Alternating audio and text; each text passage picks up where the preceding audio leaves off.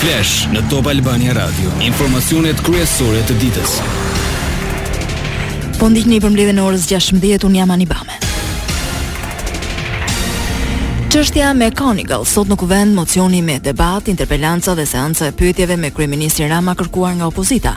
Në sallë ishte edhe kreu demokrat Berisha i rikthyer pas përjashtimeve në seancat e kaluara. Jam këtu për një seri pyetjesh. të cilave duhet t'u përgjigjet Komisioni Hetimor Parlamentar. Pa marrë përgjigje këto pyetje, Shqipëria do ketë kaos, kaos dhe vetëm kaos.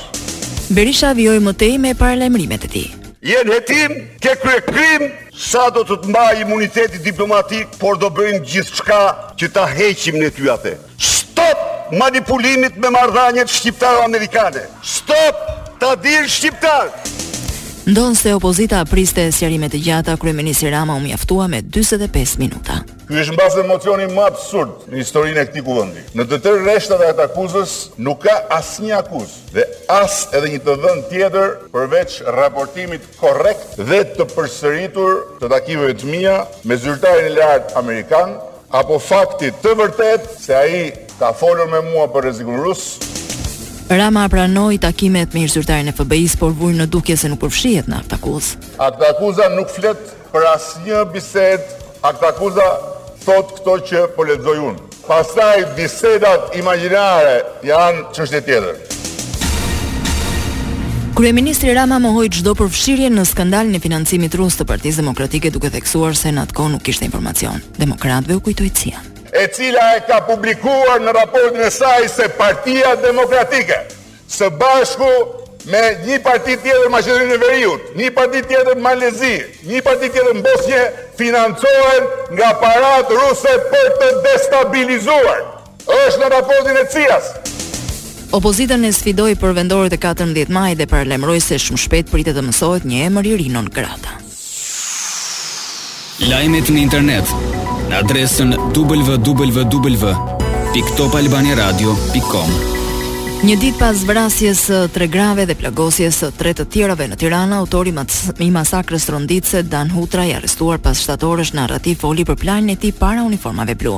Në dëshminë e dhënë nuk shfaqi pendesë, ai u shpreh se shënjestrat i kishte përcaktuar më parë dhe se më pas do të dorëzohej në polici. Objektiv qe edhe një person me banim në zonën e ish-Kombinatit, që Hutra pretendon se shiti armën me të cilën u ekzekutua babai i tij në Durrës në vitin 99. Aksione policore kundër kultivimit dhe shitjes së kanabisit si dhe vjedhjes së banesave të emigrantëve, gjashtë persona në pranga në Tiranë dhe Kavajë. Tre vetë u prangosën në kryeqytet teksa në bashkëpunim mes tyre kultivonin kanabisin, e paketonin dhe më pas e shisnin. Në banesën e njërit prej të arrestuarve u sekuestruan gjashtëdhjetë e dy kilogramë kanabis me vlerë treku njëqind mijë euro. Rreth njëzet e tre mijë ton naftë kontrabandë në pranga kapiteni rus i anijes së bllokuar më nëntëmbëdhjetë shkurt në portin Durrës. Mjeti lundrues u ndalua në kuadër të operacionit policor të koduar Embargo. Kjo bazuar në dyshime të arsyeshme se sasia e naftës e kishte origjinën nga vendet me embargo dhe u kontrabanduar. tua. Shkon në dyzet e shtatë bilanci i aksidentit hekurudhor në Greqi ku mbrëmjen e njëzet e tetë shkurtit një gabim njerëzor shkaktoi përplasjen e dy trenave pasagjerësh dhe mallrash pranë Larisës. Ekipet e shpëtimit vazhduan të kërkojnë mes llamarinave të djegura dhe mbeturinave në vagonët e shkatërruar. Vinçat gjigantë u vunë në punë që të lëviznin pjesët e dëmtuara. Lajmet në internet në adresën www.topalbaniaradio.com. Të plagosurit nga përplasja janë 57 dhe 6 prej tyre përfshirë dy shqiptarë trajtohen në repartin e mjekimit intensiv. Para spitalit në Larisa ka prindër dhe të afërm të dëshpëruar. Disa po i nënshtrohen ADN-së për të identifikuar viktimat. Sa i përket të humburve flitet për 11 deri në 18 vetë. 8 shqiptarë Tre shqiptarë nuk janë gjetur deri tani. Partitë opozitare deklarojnë se qeveria greke po mundohet t'ia hedhë fajin një njeriu duke e konsideruar aksidentin si gabim njerëzor, por shkaqet janë shumë më të thella dhe kanë burimin në neglizhenca dhe gabime të vjetra. Sa u përket viktimave, Athina zyrtare do marrë përsipër shpenzimet publike të varrimit. Në zi të rëndë për përplasjen e trenave është dhe komuniteti universitar në Greqi. Të gjitha universitetet shtyjnë aktivitetet e planifikuara ndërsa studentë sensibilizojnë opinionin publik për dhurim gjaku. Në shenjë proteste për aksidentin tragjik përveç Federatës Panhelene të Hekurudhave, shpalli grevë dhe personeli i metrosë në Athinë. Lajme nga bota. Në dhomën e përfaqësuesve të Kongresit Amerikan, Komiteti për Marrëdhëniet me Jashtë i dha dritën jeshile presidentit Biden të ndalojë TikTok-un kinez. Ky përbën kufizimin më të gjerë të SHBA-ve për një aplikacion të rrjeteve sociale. Masa vlen dhe për të tjera aplikacione që konsiderohen rreziqe sigurie. Gjithashtu, shefi i Shtëpisë së Bardhë autorizohet të vendosë një ndalim për çdo subjekt që mund të transferojë të dhëna personale të ndjeshme te një ent i ndikuar nga Kina. Javët e fundit, TikTok është vënë në shënjestër nga frika se të dhënat e përdoruesve mund të përfundojnë në duart e qeverisë kineze, duke minuar interesat e sigurisë perëndimore.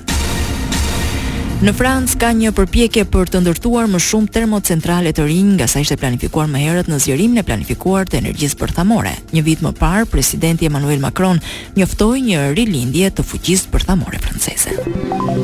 Parashikimi i motit. Vendi ynë do vijojë të ndikohet nga kushte atmosferike të paqëndrueshme, moti do jetë me vranësira e shira në formën e shtrëngatave afatshkurtra. Temperaturat luhaten nga një në njëzet gradë Celsius. Këtu kemi përfunduar, mirudëgjofshim në edicionin e orës shtatëmbëdhjetë. Kjo është Top Albania Radio.